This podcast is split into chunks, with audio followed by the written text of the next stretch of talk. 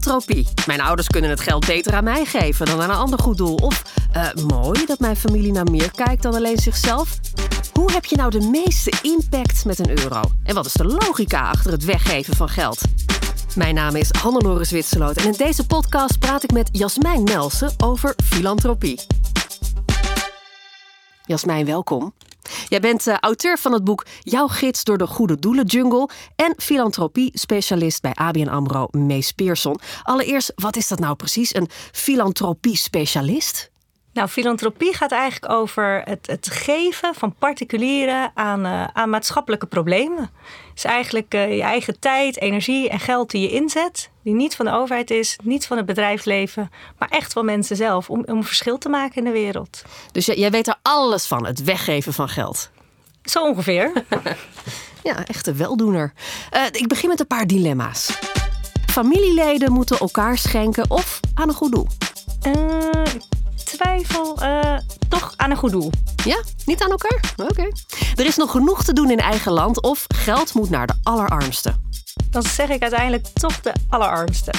En particuliere initiatieven of is dat de verantwoordelijkheid van de overheid? Uh, particuliere initiatieven. Toch wel, en niet de overheid.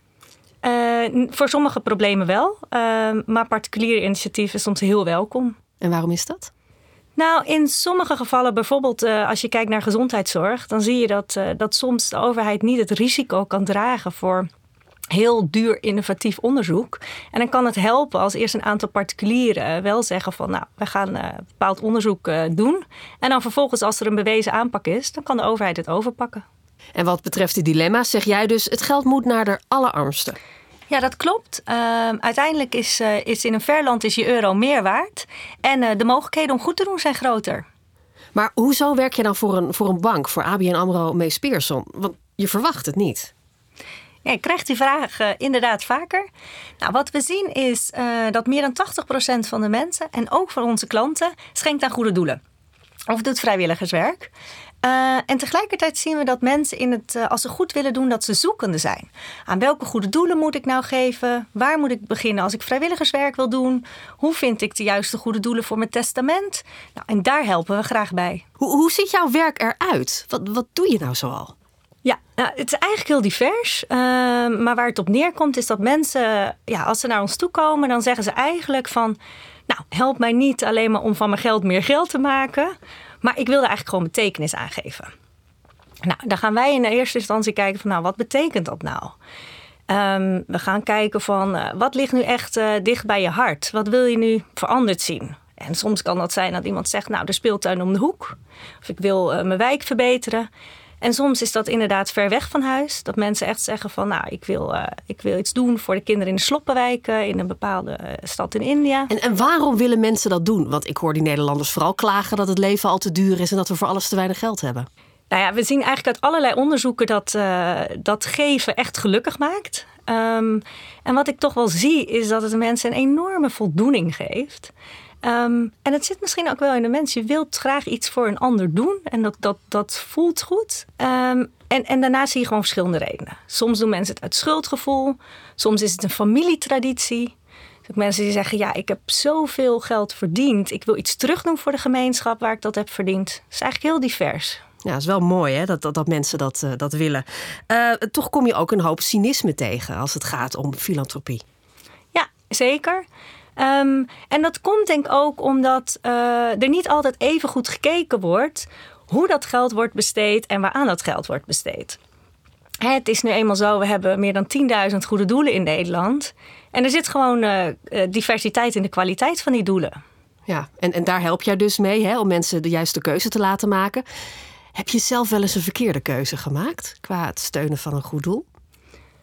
Um, nou, niet zozeer in het steunen van een goed doel. Wel een keer dat ik dacht uh, met een collectant aan de deur dat dat toch bleek een uh, andere actie te zijn dan voor een stichting. Een bepaalde kaartverkoop die toch, uh, dat toch een bedrijf bleek te zijn. Um, maar als ik eigenlijk zelf ook wel echt kijk naar mijn donaties, dan maak ik wel hele, ja, echt wel overwogen keuzes. En ga ik ook eerst echt voor zitten. Om te kijken van, wat zijn nou goede doelen met een bewezen aanpak. Wat voor goede doelen steun je zelf eigenlijk? Nou, allereerst zou ik voor iets kiezen wat echt, uh, wat echt dicht bij je hart ligt. Nou, in mijn geval is dat kinderuitbuiting uh, en ontbossing. En vervolgens uh, ga ik echt kijken van, nou ja, naar doelen die echt strategisch te werk gaan. Dus weten ze of hun aanpak werkt? Kijken ze goed wat andere spelers al doen? Hè, hebben ze een goed beeld van het probleem en wat, wat, wat echt leidt tot een oplossing daarvan? En, en um, hoe, hoe onderscheid je dat nou? Echt zo'n goed doel van, van de zakkenvullers? Nou, sowieso denk ik dat het belangrijk is om een aantal dingen eerst uit te sluiten. Dat je niet met een frauduleus goed doel te maken hebt. Ja, maar hoe dus- weet je dat? Nou, is er een website bijvoorbeeld? Um, staat er sowieso een financieel verslag op de website. Maar vervolgens, eigenlijk het allerbelangrijkste is, is dat je de juiste vragen stelt. Ik zie vaak dat mensen letten op uh, de hoogte van de directeursalarissen of hoeveel er aan de strijkstok blijft hangen. Maar het allerbelangrijkste is denk ik dat je gaat kijken naar de resultaten. Hoeveel resultaat heeft de organisatie nu bereikt? Wat is er bereikt in de afgelopen jaren? Dus stel vooral ook de juiste vragen. Ja, want daar is ook altijd veel discussie hè? Over, over die salarissen van de, van de directie van zo'n goed doel. Die zouden eigenlijk veel te hoog zijn, zeggen ze dan. Ja, dat wordt wel gezegd. Uh, ik denk dat je het anders moet bekijken. Ik denk bijvoorbeeld, uh, stel uh, je kind moet een operatie ondergaan, dat het bijna blind is. Kijk, dan wil je uiteindelijk dat je, je kind wordt geopereerd door de beste artsen met een bewezen aanpak, dat er goed voor je kind wordt gezorgd. Nou, en waarom zouden we dan, en, dan stageer ik even, maar dan zeggen als het gaat om kinderen in ontwikkelingslanden die dezelfde operatie moeten ondergaan, zeggen we dan van nou, laat het maar uitvoeren door vrijwilligers, het liefst zo goedkoop mogelijk, niet zulke, uh, niet zulke goede zorg. En eigenlijk een directeur, nou, die hoeft er niet per se verstand van te hebben ja, dat is volgens mij niet, uh, niet de juiste manier om het te benaderen. Nee, precies. Nou, uh, welke uh, doelen je dan zou kunnen steunen hè, en hoe je dat aanpakt, daar gaan we het zo over hebben. We hebben eerst in deze podcastserie altijd een, een vraag van een collega. En deze keer komt die van Ralf Wessels. Hij is specialist op het gebied van cryptocurrencies. Luister maar.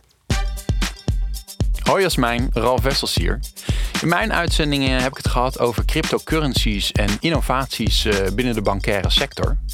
Ik was eigenlijk benieuwd welke innovaties er zijn uh, in de filantropie. Oh, leuke vraag. Nou, doe maar. Uh, nou, we zien eigenlijk twee echt grote veranderingen. Eerst is dat mensen vroeger veel meer uh, pas gingen geven na een overlijden. En ze gaan veel meer naar geven bij leven. Mensen willen eigenlijk nu al het verschil maken en nu betrokken zijn. Um, en als je kijkt naar innovaties, dan is het met name dat je ziet dat het niet alleen maar meer om doneren gaat. Je ziet eigenlijk dat mensen verschillende financiële middelen inzetten, instrumenten inzetten om een maatschappelijk verschil te maken. Dus het is niet alleen maar meer doneren. Je kunt ook geld uitlenen, zoals microfinanciering, waarbij dus de rente weer terugkomt. Uh, we zien ook dat je vormen hebt van samen goed doen, hè, crowdfunding.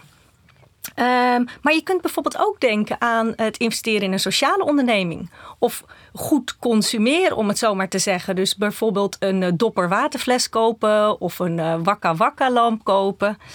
Uh, dus er zijn allemaal verschillende vormen van goed doen eigenlijk. En wat is nu de, de vorm die in opkomst is qua goed willen doen met je geld?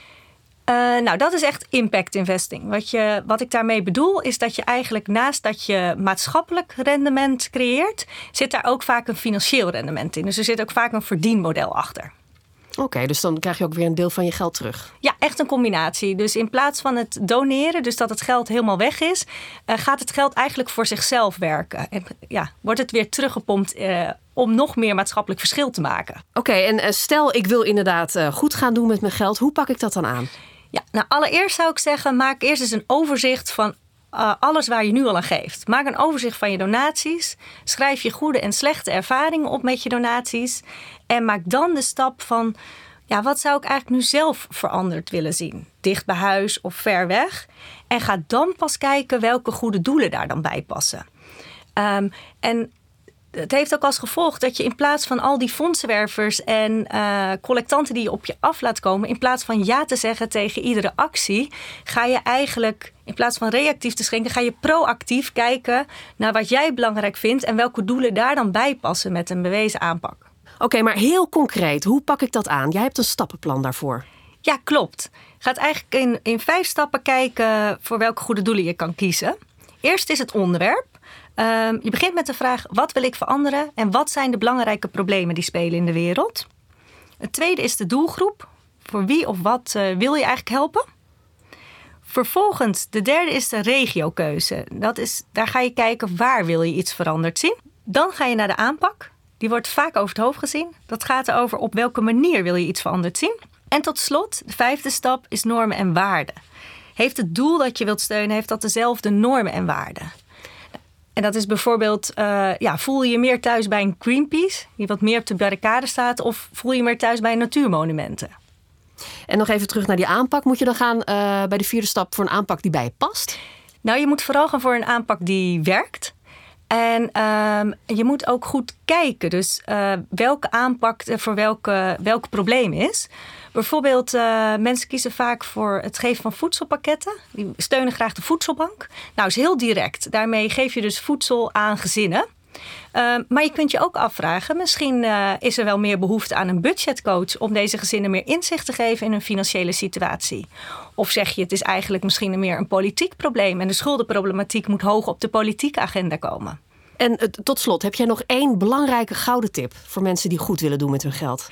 Nou, mijn belangrijkste tip is dus: denk eerst in veranderingen en dan pas in, uh, in goede doelen. Dus ga echt van het reactief naar proactief schenken. Neem het veel meer zelf in de hand. Zeker nu het aantal goede doelen blijft toenemen. Dus uh, de strijd om, uh, om die ene euro, die neemt toe. Dus neem het gewoon wat meer zelf in de hand. En maak dus ook echt een persoonlijk donatieplan. Dat je ook echt uh, geeft aan de goede doelen die het verschil maken. Maar Jasmijn, wat doe ik dan met die collectant aan de deur? Nou, sowieso vriendelijk lachen. En vervolgens bedenken van, is dit ook een doel waar ik echt iets aan wil geven? Komt dit uit mijn extra budget of niet? En uh, dan pas bepalen of je, of je ook wat in de bus doet. Dankjewel Jasmijn. Je luisterde naar de Fintalk podcast over filantropie. Wil je meer weten of een andere aflevering beluisteren? Ga dan naar abnamro slash fintalks of naar je favoriete podcastplatform.